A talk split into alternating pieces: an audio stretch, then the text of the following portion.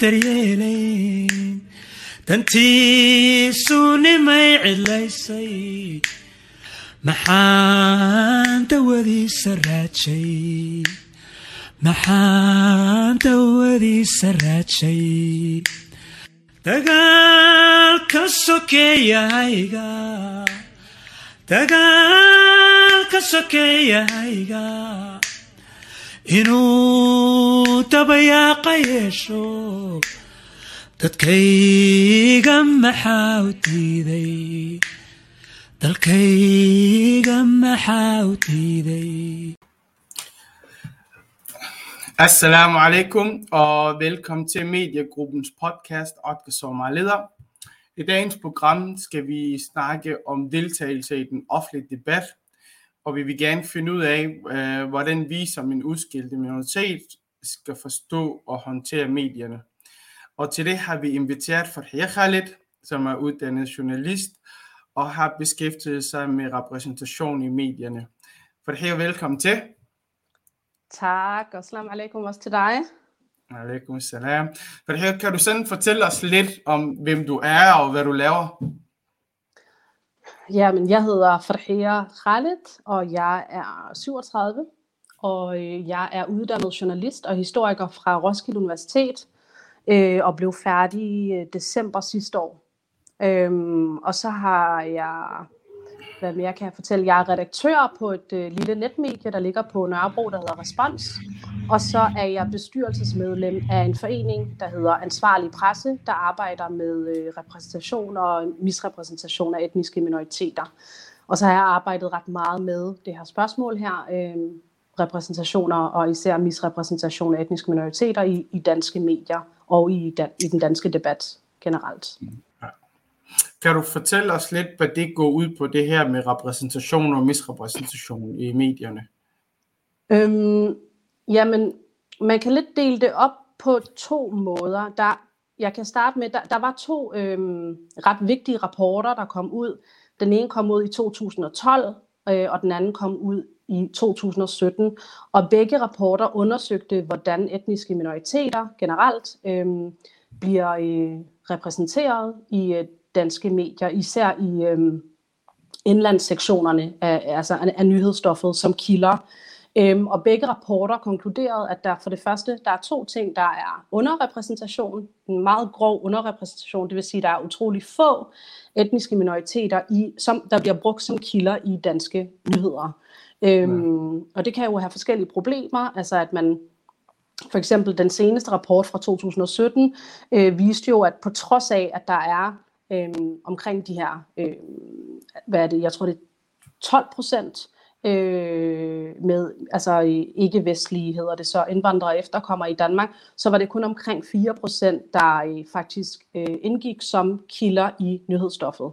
Og det er jo et problem på mange måder, det er et demokratisk problem, det er også et problem fordi der, at man har en ret stor samfundsgruppe, der ikke føler sig inkluderet, øh, og som heller ikke bliver set og hørt. Øh, det andet er misrepræsentation, og det viser de her to rapporter også. Det er at ikke nok med, at etniske minoriteter bliver underrepræsenteret, de får også kun lov til at tale om bestemte ting. Øh, mm. Og det er det, som forfatterne, blandt andet øh, Hanne Jørndrup fra øh, Roskilde Universitet, øh, har kaldt for øh, altså de her øh, nyhedsreservater. Øhm, og der kunne man se også i begge rapporter, at, øhm, at etniske minoriteter oftest kun bliver, bliver brugt som kilder, når de skal tale om for eksempel islam, eller kriminalitet, eller generelt det her integrationsstof. Øh, mm. Hvorimod at man, man sjældent ser øh, etniske minoriteter for eksempel udtale sig om, hvordan det går i deres øh, lokale, deres børns folkeskole, eller om sygehusvæsenet.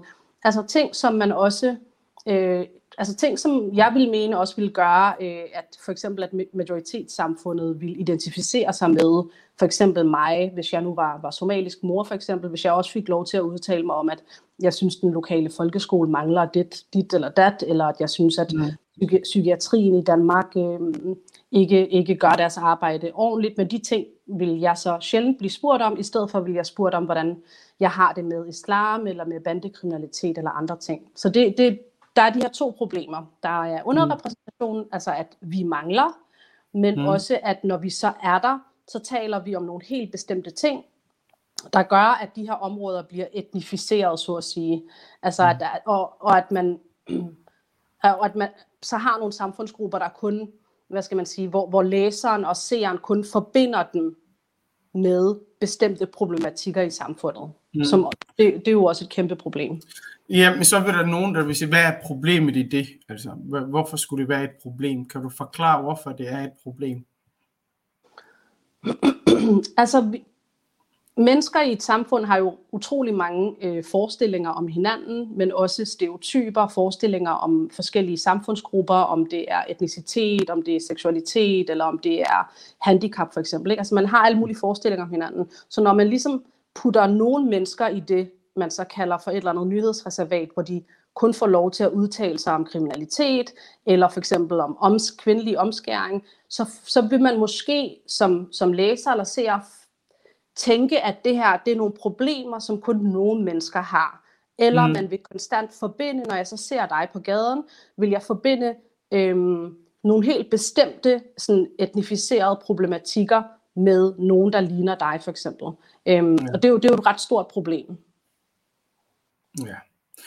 Øh, vi har jo, altså, vi har jo haft nogle oplevelser med medier generelt, fordi det er jo noget, vi beskæftiger os med i mediegruppen. Øh, og vi oplever tit, at øh, før, altså før, altså for nogle år siden var det sådan, at øh, folk var ikke bevidste om deres rettigheder, hvad de havde muligheden for, havde problemer med at formulere sig i medierne og alle det her ting. Nu er der nu er vi kommet væk fra det. Nu er vi kommet til, at der er mange, der vil gerne deltage i den offentlige debat med en god intention og siger, at jeg vil, jeg vil gerne være med til at bidrage.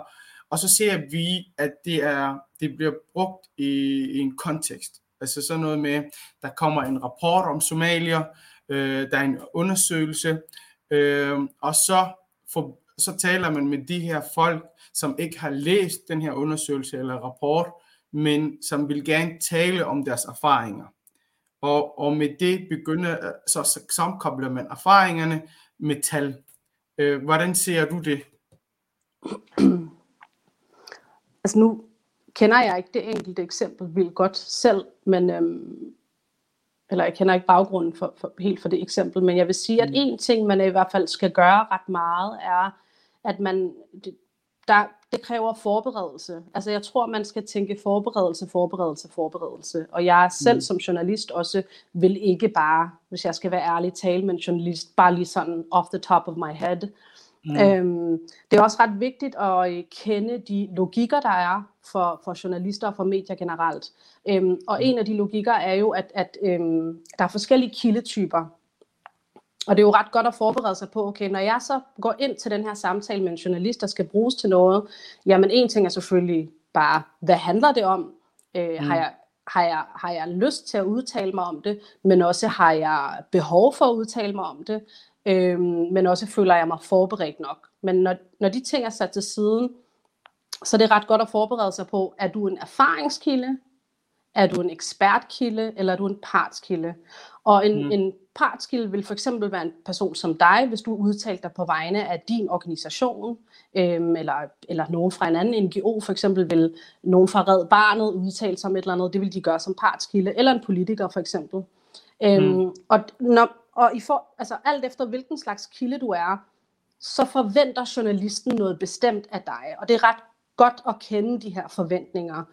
Når mm. du så for eksempel er erfaringskilde, så får du lov til at tale fra din enkelte erfaringsposition. Mm. Det bliver ofte meget mere personligt, øh, hvad man måske tænker og føler om noget, men altså som erfaringskilde.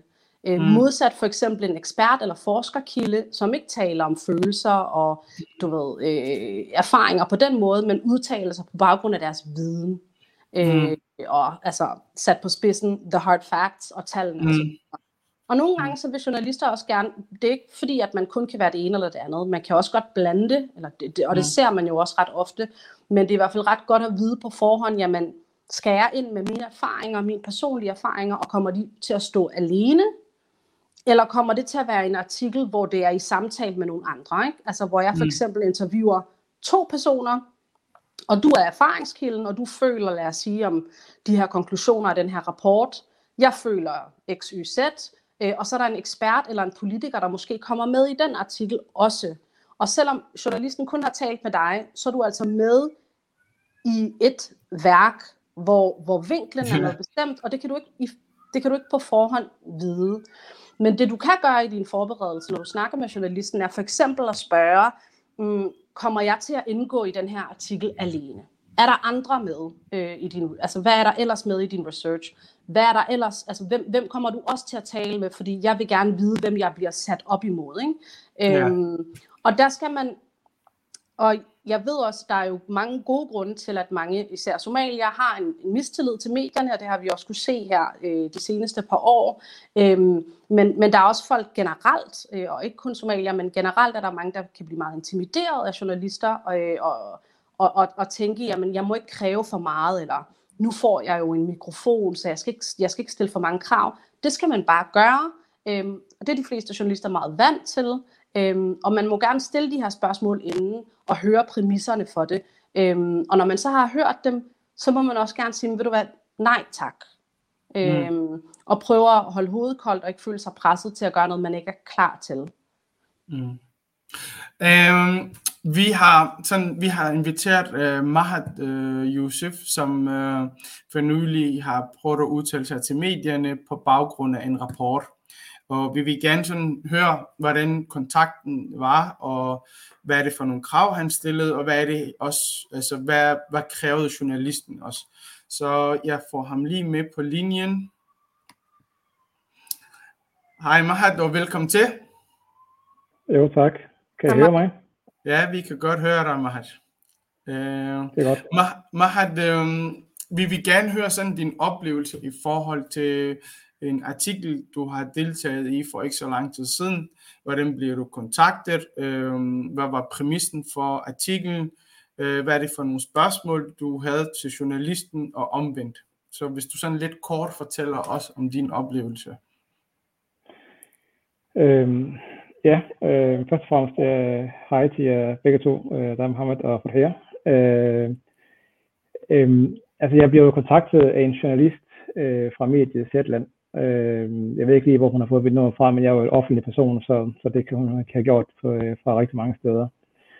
Øh, og den måde, som, som samtalen bliver indledt på, øh, det var, at hun selvfølgelig øh, siger, at, at, at hun arbejder for, øh, for det her medie her, og, og er i gang med at, at, at lave en, øh, en, en, en, en, en artikel øh, af et øh, en, en hvad hedder det, øh, undersøgelse, øh, der er blevet udgivet af Rockwool-fonden, øh, som viser, øh, som vi også har været inde på øh, tidligere, jeg har lige fulgt med, mens jeg har siddet og talt, øh, som viser, at faktisk, at jeg tror, det var hver, femte, i hvert fald en stor andel øh, af de somaliske fædre øh, har været på kanten med loven. Øh, om, jeg havde, om jeg havde egentlig øh, nogle idéer om, omkring, hvad det drejer sig om, altså hvordan at øh, tallene var, som de var, øh, og om jeg havde nogle kommentarer til det. Øh, og det øh, sagde jeg til hende, det ville jeg egentlig rigtig meget gerne øh, hvad hedder det, deltage øh, og, og, og kommentere på det. Øh, men som udgangspunkt, øh, så kommer jeg til at kommentere ikke på noget på en rapport, som jeg for det første ikke har set. Øh, altså det kunne jeg godt, egentlig godt tænke mig at læse, før jeg kommenterer på det. Øh, og bad hende om at, om at sende mig øh, den her rapport her øh, til mig. Øh, og til det svarer hun så, at øh, det kunne hun ikke gøre, øh, og det er fordi, at rapporten ikke var offentligt tilgængeligt, øh, og at øh, og at derfor øh, at den, den ikke var udkommet. Så derfor kunne hun ikke, øh, kunne hun ikke videresende til mig. For normalt, når jeg beder journalister om at sende kilden til deres historie, så plejer de at være gode til at, at videresende det med det samme. Og så kan, så kan jeg så sidde og læse og, og danne mig et overblik over, øh, hvad er det for en, hvad er det for en artikel, eller hvad er det for en vinkel, jeg går ind i øh, og kommenterer på. Øh, og i det her tilfælde, der synes jeg, det var lidt, det var lidt vagt. Øh, og, og kan man sige, min, alle mine alarmklokker begynder så at ringe, fordi at, når hun siger, at, at hun ikke selv har læst rapporten. Øh, så tænker jeg, okay, jamen, så er det jo måske nogle andre forudsætninger, vi går ind i i den her artikel i, øh, end, end, altså både journalister og jeg, det har jeg så ikke oplevet før, skal, skal jeg så lige, må jeg, må jeg sige. Øh, som regel, så har journalisterne styr på deres, øh, på deres stof. Men, men, men det hun lægger, øh, eller baserer sin artikel på, det er jo, øh, kan man sige, en overlevering, øh, altså mundtlig referering fra forskerne selv, som hun har talt med. Så hun har faktisk ikke været direkte ind og læse selve rapporten øh, selv. Øh, så det, det stiller jeg sådan det, i hvert fald det første spørgsmålstegn ved.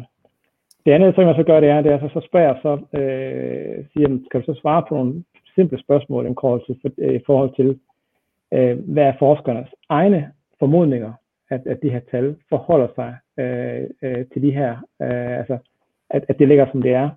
Øh, har de ikke kunne sige noget om det? Øh, og til det siger hun så, at det kunne det desværre ikke øh, gøre, og de synes, det var en forskergåde, at de ikke kan finde frem til de her, øh, hvorfor at de her tal, som, at, at de forholder sig på den måde, som de gør. Og igen, så ringer min anden alarmklokke og siger, det, det, det virker ret besynderligt, synes jeg. ikke? Øhm, og, øhm, og så siger jeg til hende, så, så, så, ser jeg en, der prøver at stille spørgsmål omkring, omkring nogle af de ting, som hun fortæller mig. Men derfra, så begynder vores samtale egentlig at udvikle sig sådan ret, øh, hvis jeg skal betegne det, altså ret besynderligt for mig, fordi jeg tænker, hun begynder at spørge ind til mit baggrund, og hvor lang tid jeg har været i Danmark og så og hvordan jeg arbejder i, i politik, eller det, det vil jeg jo selvfølgelig meget gerne svare på, men det har ikke noget relevans i forhold til den problemstilling, som hun, som hun, øh, hun undersøger. Øh, så, for, for, så hele setupet, synes jeg, var sådan ret, øh, øh, øh, altså det, det, det, er noget, jeg var uvendt med. Altså jeg, jeg taler normalt med rigtig mange journalister, øh, øh, og har øh, kontakt til rigtig mange af dem, øh, og de plejer som regel at være meget, meget, meget skarpe på den måde, de vil gerne vikle deres artikel på, og hvad det er for nogle baggrundsmateriale, de har, og hvad det er for nogle kilder, de har, og hvad det er for nogle ting, de baserer den, øh, kan man sige, artikel på. Og her synes jeg, at det var, det var sådan ret, øh, ret vagt. Øh, så derfor så sagde jeg til hende, at det ønsker jeg egentlig ikke at medvirke, fordi at jeg ikke har de her oplysninger her, så, så kan jeg ikke udtale mig for noget, som jeg rent faktisk ikke har set eller har læst. Øh, så, så derfor så takkede jeg nej til det. Og så gik vi så ind i nogle andre andre spørgsmål i forhold til øh, det omkring corona-udbrud, der var her i Aarhus øh, sidste år, øh, hvor, hvor jeg har været meget øh, fremme i bussen og, og kan man sige, tale øh, meget imod øh, rent politisk. Øh, øh, så så det, det, det er så det, vi nøjes med at, at kan man sige, konkludere øh, samtalen på. Øh. Ja. Altså, hun vil tale med dig om en undersøgelse, øh, Rockwool har udarbejdet, men så I ender med at tale om coronasagen fra tilbage i august-september der. Og det er det, du ja. udtaler dig på baggrund af. Okay. Det, det, det, der, der ligger i hvert fald ind i artiklen i hvert fald, som jeg sagde. Det er i hvert fald ja. det, jeg kan forholde mig til. Øh, længere kan jeg, ikke, kan jeg ikke gå ind i. Ja. Øh, du arbejder jo i medierne, og vi vil gerne sådan høre dig hvad, øh, om historien her, hvad du synes om øh, det, du hører nu. Mm, jeg synes, for det første synes jeg, det er en ret fornuftig beslutning, du har taget. Øh, jeg tror også, jeg ville have gjort det samme. Øh, altså, det, det er jo spøjs, det at få adgang til den viden, som, øh, som du skal efter, altså som du skal spørge sig om, ikke? Så jeg synes egentlig, det var, det var ja, fornuftigt nok at sige nej. Øh, jeg skal ikke kunne sige, hvorfor den journalist har taget de valg, de har, øh, men men en ting, uden at skulle forsvare nogen, så tror jeg også, at vi, vi er i en tid, hvor altså den, sådan, det der journalistiske produktionsapparat også bare går så stærkt, hvor jeg nogle gange tænker, at det ikke er en prioritet, øhm, øhm, og nogle gange heller ikke en mulighed ligesom, øh, at komme, komme lige så dybt ned i sagerne, som, som vi vil ønske.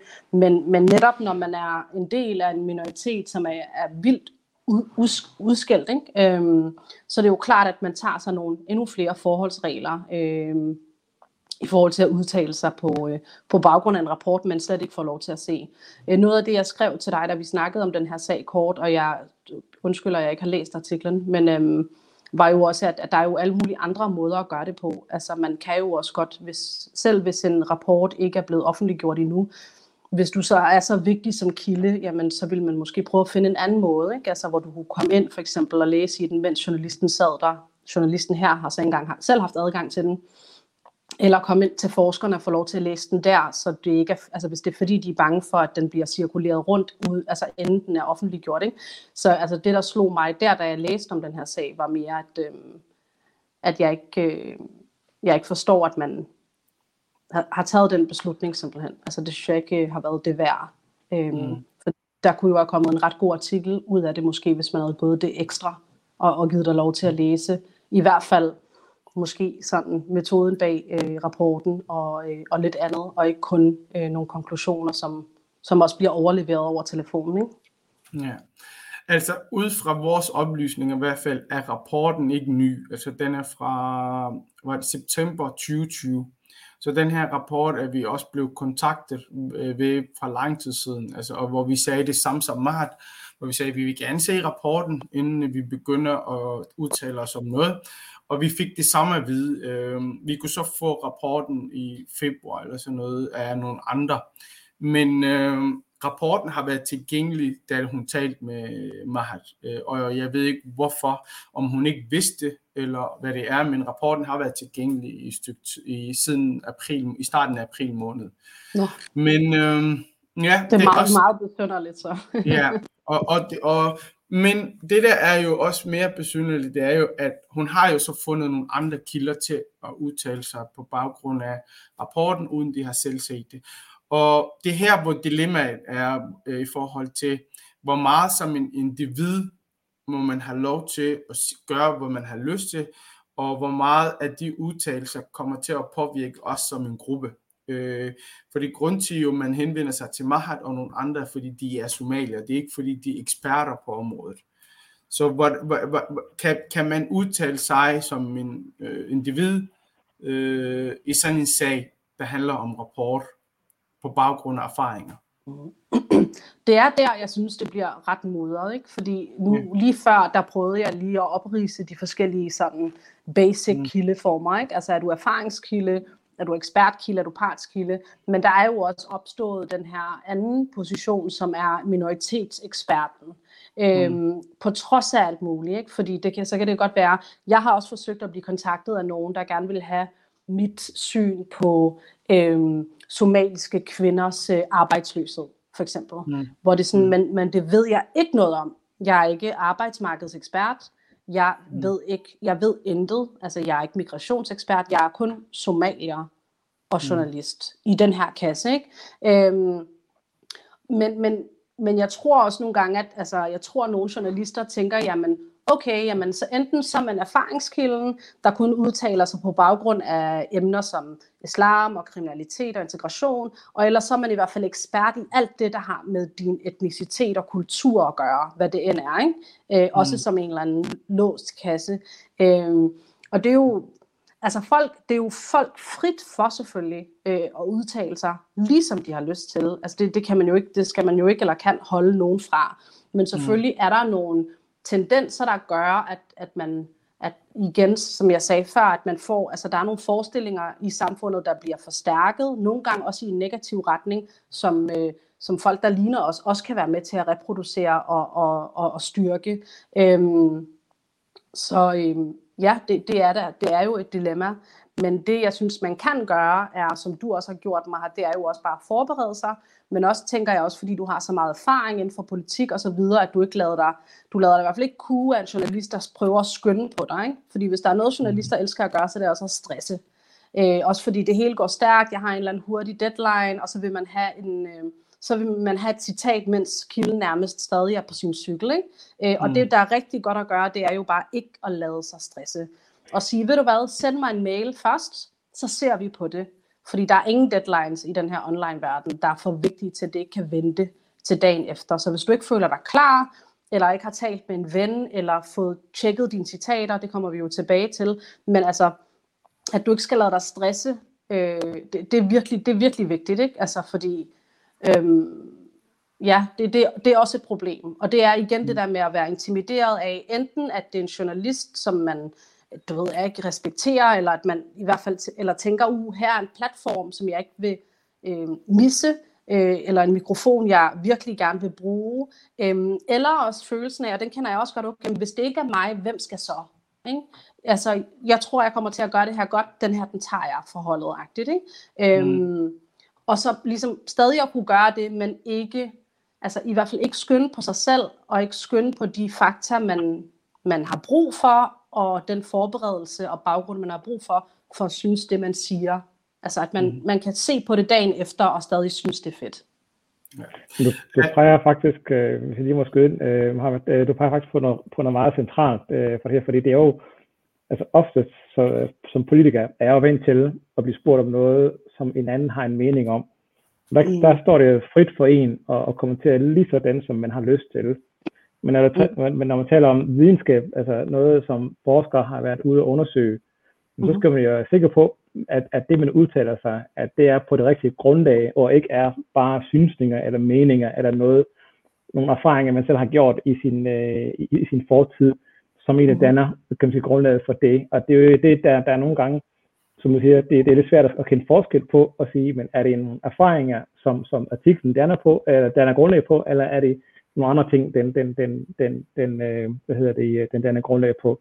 Og det kan Mm. nogle gange være meget mudret, for det især i de her tider her, hvor sociale medier og alle de her ting, de florerer, og hvor tiden det er bare, altså hvor journalisten skal arbejde dobbelt så hurtigt, for at kunne følge med, ikke? Altså, så, så, Mm-hmm.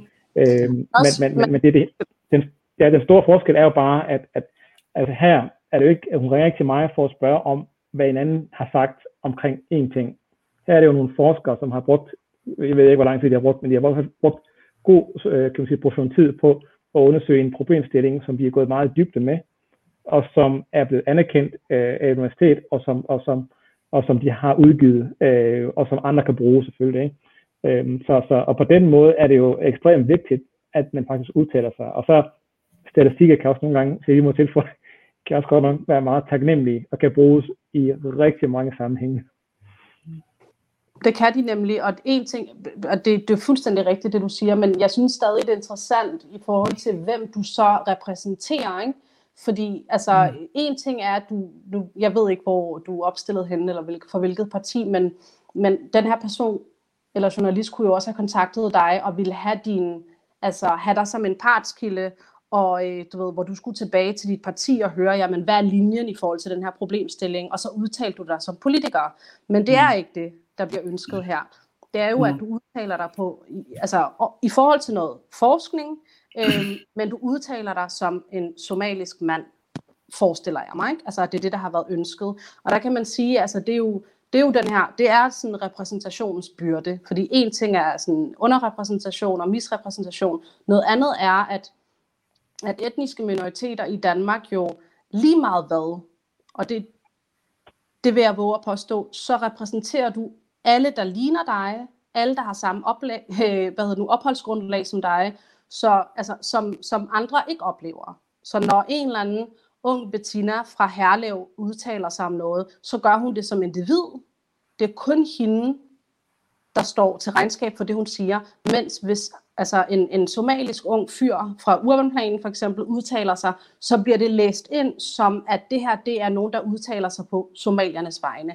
Og det er en konsekvens af utrolig mange ting, øh, men det er ikke noget, som man øh, i hvert fald, det er en ligning, man ikke kan regne sig selv ud af, når man udtaler sig. De vilkår er der, og så må man ligesom afgøre med sig, med sig selv, om de muligheder, man får, om man får muligheden for så at skubbe til det, om man er med til at ja, skabe det, om man er med til at reproducere det, og det, det kræver jo også alt muligt andet. Det kræver for eksempel også, at man øh, altså, læser med og forstår, hvilke logikker der er, men også interesserer sig for de konsekvenser, det måske kunne have. Farhia, hvis jeg lige hurtigt må spørge dig i forhold til det, fordi det er faktisk meget spændende, det er også nogle af de diskussioner, vi har. Hvad siger du så til en person, der siger, med en, somalisk, med en person med somalisk baggrund, og siger, når jeg udtaler mig, jeg repræsenterer kun mine egne holdninger og hvad jeg tænker. Hvad siger du til det så? Jeg siger, jeg synes, det er fedt, at du øh, lever i den verden. Det er da fint. Altså, givet jeg kunne slukke, hvis jeg kunne slukke og, og have det sådan der, jeg er bare et individ. Det er jo ikke, fordi vi ikke har lyst til at være individer i den her verden. Det er jo, det er jo ikke Ja. der, vi er. Det synes jeg, der er bare fint. Øh, jeg siger bare i hvert fald som, som journalist, men også som en person, der har arbejdet utrolig meget med danske medier i forhold til repræsentation. Øh, den verden eksisterer ikke endnu. Det er ikke fordi, det ikke kan komme, men sådan som øh, de danske medielogikker er lige nu i forhold til repræsentation og misrepræsentation, så træder du ind i noget, der er der i forvejen. Øh, og øh, hvis jeg havde den selvtillid og tænkte, at, jeg, at min stemme bare kunne bryde det fuldstændig, altså det ville jo være fedt nok, Øh, men, men sådan er det bare ikke. Øhm, jeg har et eksempel, der var en undersøgelse, der blev lavet imellem, mm, jeg kan ikke huske, om det var ja, i starten af, af 10'erne, tror jeg, øhm, hvor øh, nogle forskere interviewede rigtig mange forskellige redaktører øh, og journalister. Efter den første rapport kom om øh, underrepræsentation og misrepræsentation, så tænkte man, okay, lad os snakke med journalisterne og redaktørerne og høre, hvad synes I? Synes I, der er et problem? Og der var flere af de journalister og redaktører, der også, nogle af dem kunne se, der var et problem, andre kunne ikke se, at der var et problem, men der var en, der for eksempel sagde, jamen, øh, da han blev spurgt, hvor, hvorfor for eksempel, hvorfor bruger du ikke en person med indvandrerbaggrund i en helt almindelig historie? Og så sagde mm. han, jamen hvis jeg gør det, når jeg, han sagde noget, eller når, når, når jeg skriver, så skriver jeg jo, som om jeg skriver til min far. Hvis der er en indvandrer i den historie, så bliver det en indvandrerhistorie. Ikke? Altså, og det her det har jo også noget at gøre med de stereotyper, folk har, de forestillinger, folk har. Øh, og folk læser jo ikke aviser og ser fjernsyn med sådan en clean slate, men har jo mm. indlejret alle mulige ting. Så det her med, at, at der er en redaktør, der ikke vil have en indvandrer ind i en helt almindelig historie om for eksempel sygehuset eller Folketinget, fordi at hans far så tænker, nu er det en indvandrerhistorie. Det siger jo noget om, at der er jo nogle, der er nogle ting, der er stærkere end bare det enkelte menneske i forhold til at blande sig i en mm. helt ren debat. Ikke? Altså, det skal man også det skal man også respektere og, og arbejde selvfølgelig imod, men, men det skal man, man skal gardere sig lidt bedre. Mm.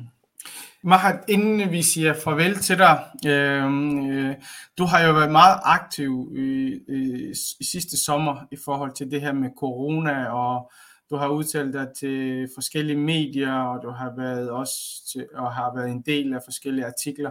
Hvordan har din oplevelse været med samarbejdet med medierne? Jamen altså, hvis jeg lige må kommentere det, som, øh, for det, som I lige snakker om fra først, for jeg synes, det var meget interessant. Øh, mm. Men jeg kunne faktisk godt sige, altså det er jo noget af det, den samme problematik, der står med i forhold til racisme-debatten, der har været øh, siden sidste år der, fordi øh, der var jo tale om, altså det er nogle gange, det der man glemmer, det er jo, at øh, minoriteter, og i særlig grad, hvad hedder det, øh, mørke, hvad hedder det, øh, sorte mennesker, de ser sig selv som en del af en race.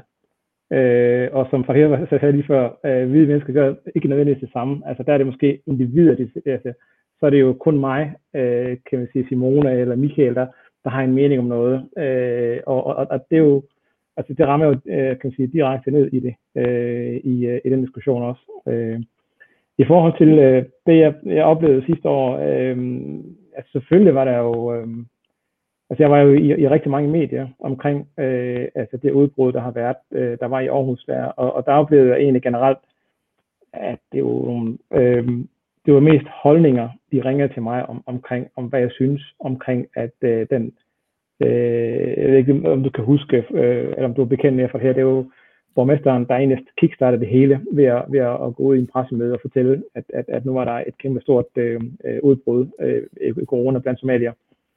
Og det var egentlig på baggrund af det, at alle journalister mere eller mindre spurgte ind til, og, og, og også i forhold til, hvordan indsatsen for at inddæmme øh, smitten, øh, det, det gik. Så, så der var ikke, øh, for mig, øh, hvis man kigger ud fra en journalistisk side, øh, så stod det jo frit for mig for at fortælle den del af historien, som jeg havde lyst til at fortælle, øh, og, og, øh, og måske ikke fortælle så meget om den del, som jeg ikke havde lyst til at fortælle. Så det, det, det, var, det var ret nemt at forholde sig til det.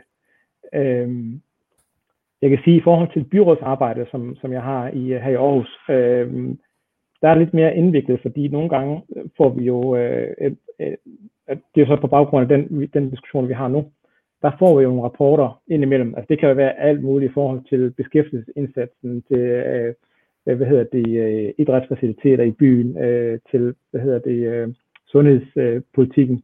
Og der får vi jo nogle kan sige, rapporter, som er øh, udarbejdet af kommunen, og det kan man sige, kommunen er jo en myndighed, og dermed så de rapporter, der er udarbejdet, det er jo nogle objektivt udarbejdede rapporter. Det er ikke nogen persons mening, der har, der har et andet grundlag for det og det er ud fra dem, vi oftest også træffer de her politiske beslutninger fra.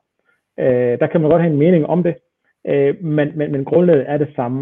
Øh, altså det, er der, det er udgangspunktet, man starter ud fra. Øh, så, så hvis man ikke har adgang til udgangspunktet eller grundlaget, så kan man selvfølgelig heller ikke øh, gå ind og, og, og, og, og tage den, den politiske diskussion øh, af det. Og det er jo her det samme for at vende tilbage til, øh, til problematikken, at, at hvis du ikke har rapporten tilgængeligt, hvis du ikke har læst rapporten, jamen så den diskussion, man kommer til at have efterfølgende, den vil jo være far, meget farvet af ens egne meninger, og ikke så meget omkring, hvad det er, øh, hvad det er, hvad det er man har læst. Øh, så, så der er det jo, kan man sige, den store forskel øh, for mig, øh, som kigger også tilbage i, øh, i sommer. Mahat, vi siger tak for, at du gad at være med i kort stund i hvert fald, og, og fortælle din historie. Øhm, og jeg ved ikke, om du har sidste kommentar til os, eller om vi skal sige farvel. Nej, jeg synes, det er meget, øh, altså, øh, øh for jeg har, har meget nogle gode, øh, interessante, øh, øh, kan man sige, øh, budskaber. Så det synes jeg bare, I skal fortsætte samtalen. Det er jo, Så vil jeg, tak, så vil jeg se med. Ja, Tak for god dag. Ja. Yes. Hej. Yes, for det. Øhm, nu går vi så videre til det her med, øhm, hvordan kan man så beskytte sig selv, eller hvad skal man helt præcis gøre, når man bliver kontaktet af en medie, der vil tale med en. Fordi typisk jo, som du var også inde på det, er, der er en historie, øh, du bliver kontaktet, og det, det er sådan, at de skriver jo øh, beskeder og mail til så mange mennesker, og så håber de på, at der er nogen, der reagerer på det, og så har man typisk 3-4 timer, til, hvis det er en debat, eller hvis du skal være med i God Aften Danmark, og så, så har du 3-4 timer til at beslutte dig om, om du vil gerne være med. Der er tidspres, øhm, der er forskel på, om det er en artikel, eller om det er en live udsendelse. Så hvordan skal man så forberede sig på nogle af de her ting? Ja, jamen, hvis vi lige skal starte med det skriftlige. Der er en eller anden journalist, der skriver til dig, øh, og nogle af dem har også fået for vane at skrive til folk på Messenger. Mm. Også på Insta, altså ud over det hele. Ikke? Øh, ingen skam. Men Ja. øhm, først og fremmest, så vil jeg, ligesom Mahat sagde faktisk, starte ud med bare at høre, jamen, hvad er vinklen på, på artiklen? Ja. Øh, det kan man godt tillade sig at spørge om, og så kan de prøve at forklare, hvis de skal prøve at forklare, normalt vil en journalist prøve at forklare i en sætning, hvad the gist of the story is, eller du kan også høre, jamen, ja, altså, øh, ja, hvad er vinklen i hvert fald, ikke? Bagefter så vil jeg spørge, jamen, hvem, hvem, hvem skal ellers optræde i den? Øh, hvis de selvfølgelig har ringet til dig tidligt i processen, så kan det være, at de ikke ved det, men øh, det kan være, at du så får at vide, jamen, det er en forsker, eller det er en politiker, og så kan du jo grave i det, ikke? Øhm, og så kan du prøve at finde ud af der, okay, er det er det, det her selskab, ikke? hvis du tænker det som et, er det det her selskab, jeg skal være sammen med på skrift. Mm. Så når du har udtalt dig, så altid bed om at sende dine citater til tjek. Øh, nogle journalister er, er søde og rare og, og minder dig om det og siger, vil du have dem til tjek, så siger, siger du måske enten ja eller nej, men, men, og nogen gør ikke. Så husk at spørge, øh, sig du gerne vil have citaterne til tjek på mail. Når du har fået dem, så læser du dem. Og hvis du er lidt nervøs eller lidt øh, usikker, så få en ven til at læse med. Eller dig, for eksempel Mohammed, eller en anden, Mm. ikke? Altså, som, Mm. som også skal sige, jamen, hvordan synes du, det her er? Og så ret i det. Også hvis du synes, der er noget, der blev misforstået, eller hvordan, ej, måske vil jeg formulere det på en anden måde. Nu, når jeg ser det på skrift, så bare gør det. Så ret det og send det tilbage. Så prøv at spørge journalisten også meget tidligt også, øh, hvornår har du egentlig deadline? Så kan det også godt være, at de siger, jamen det har jeg i morgen, eller om to dage, eller så, så du ikke, så du ikke også, altså alt hvad der kan ligesom alleviate stress, gør det, ikke? Mm. Øhm, husk at bede om de her citater på skrift. Øh, nogle journalister vil måske prøve at læse dem op for dig, øh, for at spare tid. Øh, og det er fair nok også, fordi nogle gange så skal det gå hurtigt, hvis du sidder på, på netavis. Men, øh, men sig dig, men jeg, jeg vil gerne have dem på skrift, så får du også lidt bedre tid. Ikke? Mm, og det, Mm. det er rart at se på skrift, for det er, sådan, det er sådan, du kommer til at læse det, kan man sige. Ikke?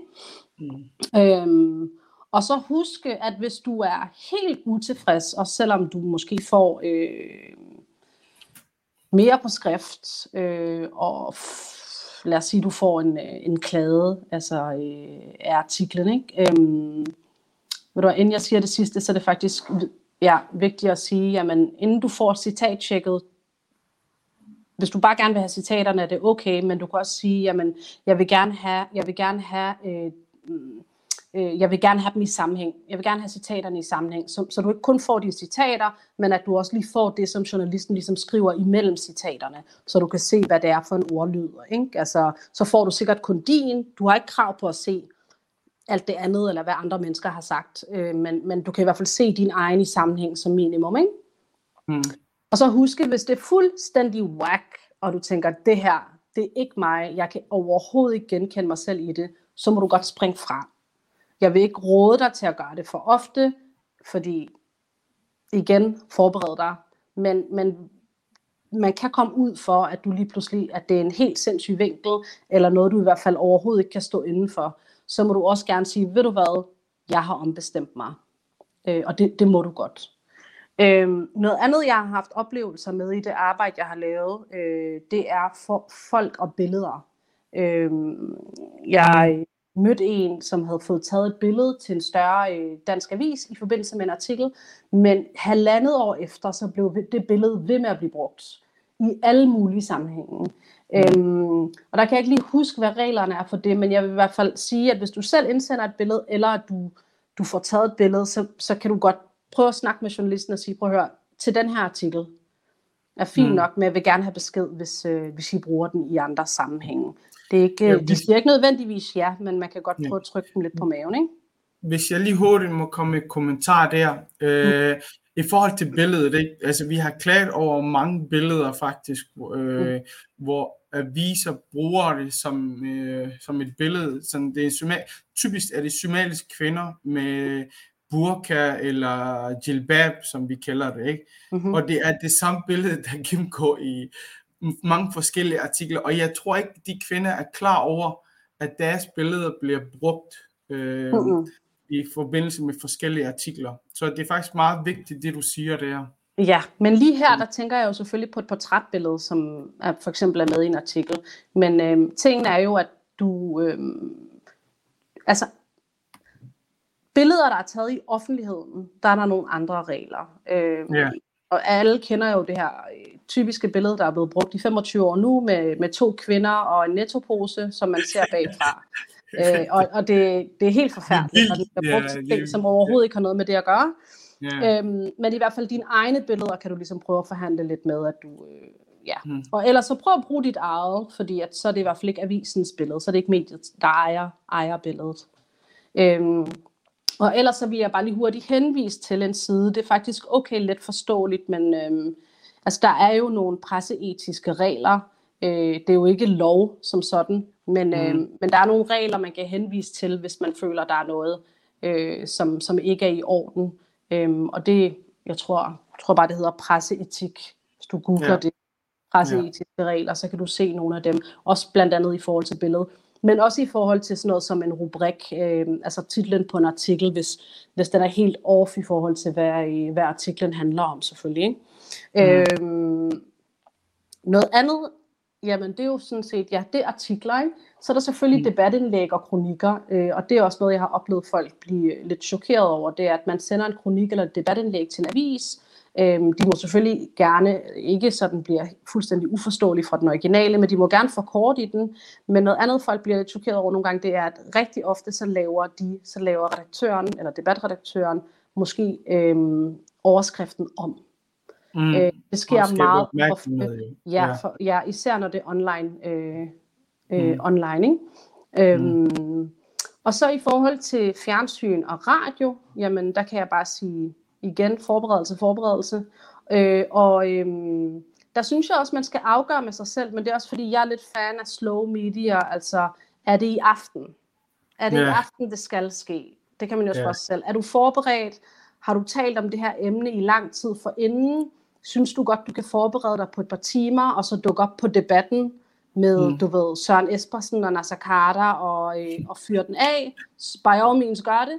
Men, men yeah. overvej, at det her nødvendigheden nogle gange sådan, behøver det at gå så stærkt, øh, jeg kan måske vente til en anden gang.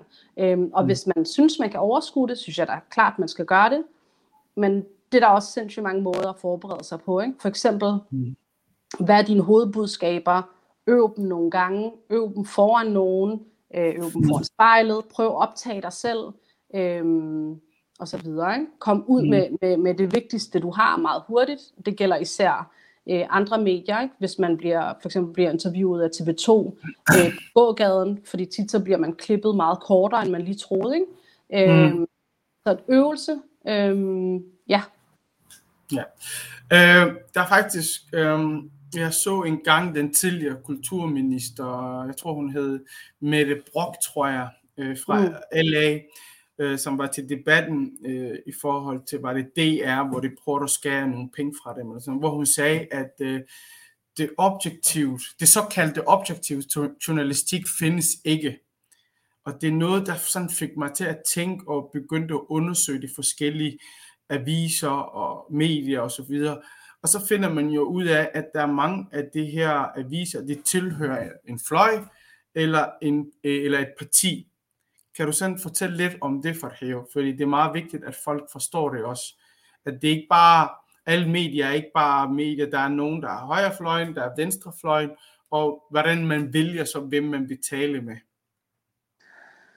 Øhm, jamen, jeg er helt enig. Jeg tror også, det er sådan en udbredt øh, konsensus. Der findes ikke noget, der hedder objektive nyheder. Der er, altså, øhm, altså alle artikler, alle medieproduktioner er jo, er jo på en eller anden måde framed. Ikke? Altså, og grunden mm. til, at man bruger udtrykket frame, er jo, at du har en billedramme, der er det, du kan se, men så er der alle mulige valg og fravalg, der er blevet taget.